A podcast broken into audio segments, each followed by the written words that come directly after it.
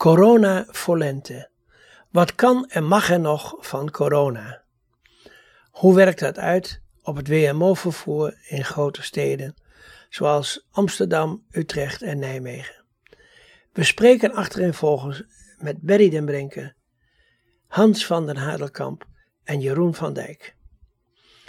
Tijdens de coronaperiode was vervoer met speciale taxis nauwelijks mogelijk. Naar de dokter en de supermarkt kon nog net. Barry, je woont in Amsterdam. En uh, wat voor soort uh, aanvullend of uh, bijzonder vervoer heb je daar? Je hebt een aanvullend openbaar vervoer, vervoer met taxis, waarbij je dan met meerdere mensen in een taxi naar je bestemming kunt worden gebracht. Maar ik vind dat lastig om daarmee te plannen. Dus ik ga zo li het liefst mogelijk met het uh, openbaar vervoer. En hoe ging dat in de coronatijd? Nou, in de coronatijd was het best lastig. Want als je op een halte stond en je stond op de plek waar je gewend was in te stappen bij de bestuurder, dan ging die deur niet open. En dan moest je dus uh, maar hopen dat je op tijd de deur kon vinden om in die tram te stappen. En uh, ja, om, in de hoop dat de tram niet zou wegrijden, tikte ik met mijn stok uh, tegen de tram aan.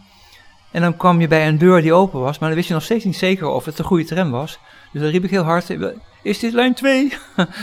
en uh, nou goed, dan kreeg, dus dan kon ik op die manier pas bepalen of ik in de goede tram zat. En ja, dat was en, heel erg. En, en, en de omroepinstallaties deden het vaak niet. En je kunt niet communiceren met de bestuurder. Dus het was een uh, onzekere factor of je wel op de goede plek zou komen. Maar goed, je moest daar ook een uh, mondkapje dragen en dan moest je ook in het speciale vervoer ook? Ja. Ja, ik ben één keer met het speciale vervoer gegaan.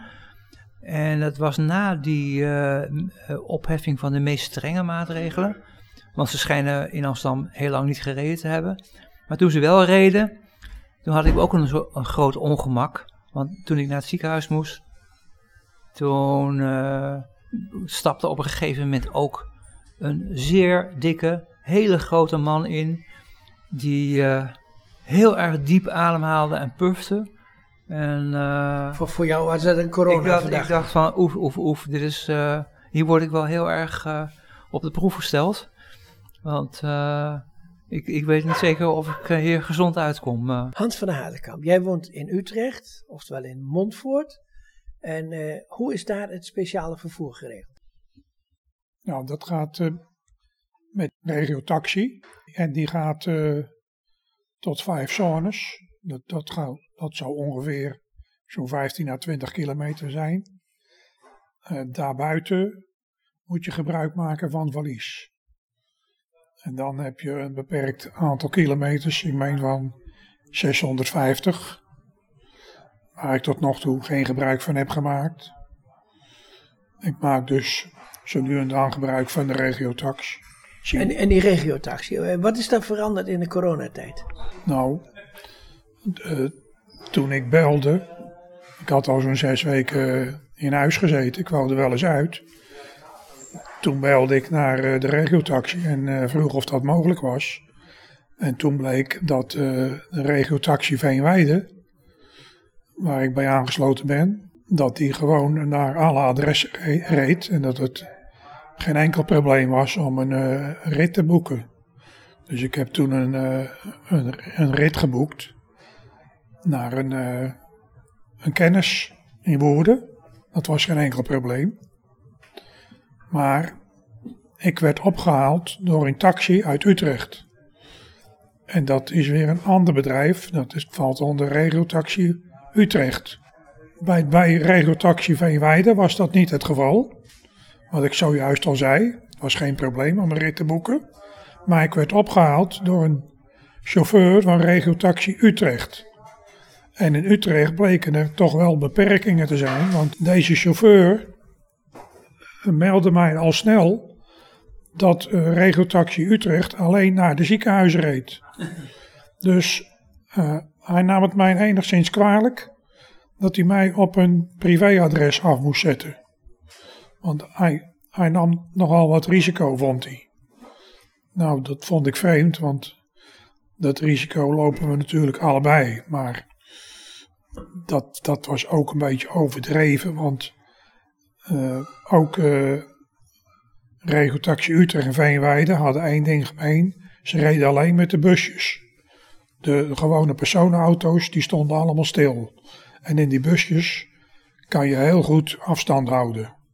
Dus het probleem begreep ik niet zo.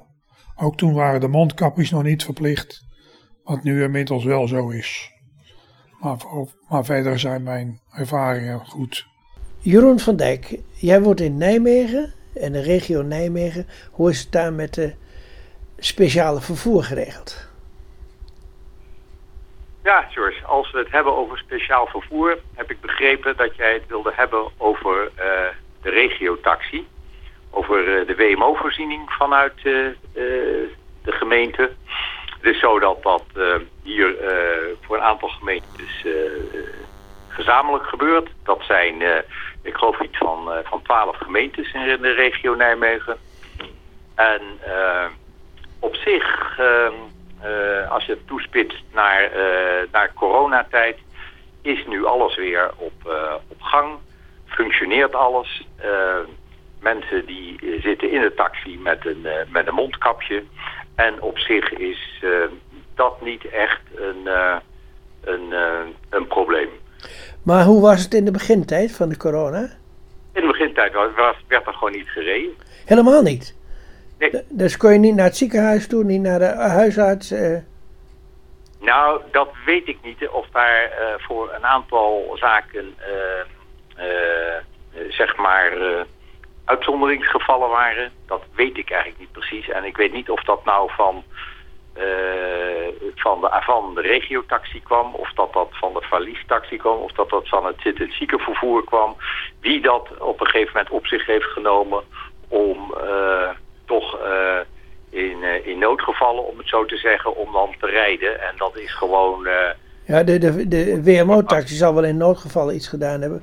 Maar de valies, ja, daar, dat is een tijdje helemaal uitgevallen. Ja, dat weet ik niet precies. Daar heb ik eigenlijk me niet echt in okay. verdiept. Maar, maar nu is het WMO-vervoer. je kunt nu al, overal weer naartoe. Je kunt naar je tante en naar je oom enzovoort. Nou, er zijn natuurlijk ten aanzien van dat, dat hele vervoer van uh, de WMO en wat door een aantal gemeentes gezamenlijk is geregeld met een contract met een, uh, met een organisatie. Daar is natuurlijk wel het een en ander over te zeggen nog. heel gerelateerd aan, aan coronatijd is vanuit de ziekenhuizen, de grote ziekenhuizen in Nijmegen, is heel nadrukkelijk gezegd van wij willen een beperkter aantal mensen in onze wachtkamers hebben. Daar uh, stemmen wij af de, mensen die wij oproepen. Hè, dus we houden gewoon in onze spreekuren daar uh, rekening mee. En wij vinden ook dat mensen gewoon op tijd moeten zijn. Dus niet te vroeg en niet te laat. Nou, daar doet zich al direct het uh, probleem met die regiotaxis of met die stadstaxis voor. Van, daar geldt gewoon een behoorlijke marge in het uh, vroeger en later uh, zijn. Je kan een kwartier te vroeg en een kwartier te laat worden opgehaald. Uh, je kan nog iemand meekrijgen die nog ergens anders afgezet moet worden. Kortom, als jij naar een ziekenhuis wil en je wil van die taxi gebruik maken... dan moet je gewoon een behoorlijke marge inplannen om daar te zijn. Nou, dat staat gewoon haaks op de, de de verwachtingen die men daar in het ziekenhuis heeft. Daar wil men gewoon op, tijd de mensen aangeven. Krijgen mensen daar moeilijkheden mee? Nou ja, uh, dat is natuurlijk het hele spel wat je met die regiotaxi gewoon speelt. Van uh, hoe laat moet ik ergens zijn en hoe laat moet ik ze dan bestellen en welke flexibiliteit is daar. Ja, dat daar een gespanning op staat, dat is wel heel duidelijk. Want in deze tijd dat het juist allemaal meer op tijd zou moeten zijn is er vanuit die regiotaxi hier een onderzoek uh, gaande... om te kijken of ze niet een kwartier te laat uh, kunnen komen... maar ook dat ze een half uur te laat mogen komen of een half uur van tevoren mogen zijn. Dat is natuurlijk precies een uh, ontwikkeling die haaks staat op datgene wat eigenlijk die ziekenhuizen vragen. En ik denk ook, wat als je klant bent, en ik ben ook een van die klanten van die taxi, ja, ik zit er gewoon helemaal niet op te wachten dat ik gewoon een hele brede spreiding krijg van als ik ergens echt op tijd moet zijn, dat ik eh, daar allemaal rekening mee moet houden. Ik zou het liefste willen dat er nog een taxi hiervoor komt rijden en dat die gewoon naar mijn bestemming eh, Ja, rijdt. precies. En, en kijk, en als, die, als, die, als het nog ruimer wordt, dan kun je helemaal niks plannen. Dan wordt dat inderdaad allemaal veel ingewikkelder. En ik denk ook dat, ja, waaruit, waar komt dit nou uit voort? Volgens mij komt dit niet voort uit de wens van de eh, mensen die vervoerd willen worden. De mensen die vervoerd willen worden hebben daar duidelijk een ander idee over. En eh, waar, ik heb ook niet het idee dat dat eh, handiger is voor die taxichauffeurs. Die taxichauffeurs krijgen naarmate ritten langer duren en ze meer om moeten rijden, gewoon ook meer eh, opmerkingen, klachten en discussies met eh, klanten. Waar het uit voorkomt, dat is puur uit een kwestie van een soort eh efficiency en het meer geld, meer kunnen combineren, meer geld overhouden aan, aan, aan de bedrijfsvoering. Ofwel, een ander eh, aspect is om tegen een lagere prijs te kunnen, eh, te kunnen gaan rijden. Ja, dus de conclusie wordt eigenlijk van de gemeente wil bezuinigen en, en de vervoerders die willen er nog wat aan verdienen. Ja, nou ja, goed, dat is natuurlijk zo. En, en wat dus eigenlijk wel toch, denk ik, eh, daarbij gewoon een soort bodeminzicht is van moet je het allemaal nog efficiënter, nog meer gecombineerd doen en welke kwaliteit lever je dan naar, eh, naar, de, naar de klant eh, toe. Nou, in ieder geval voor de ziekenhuizen dus niet.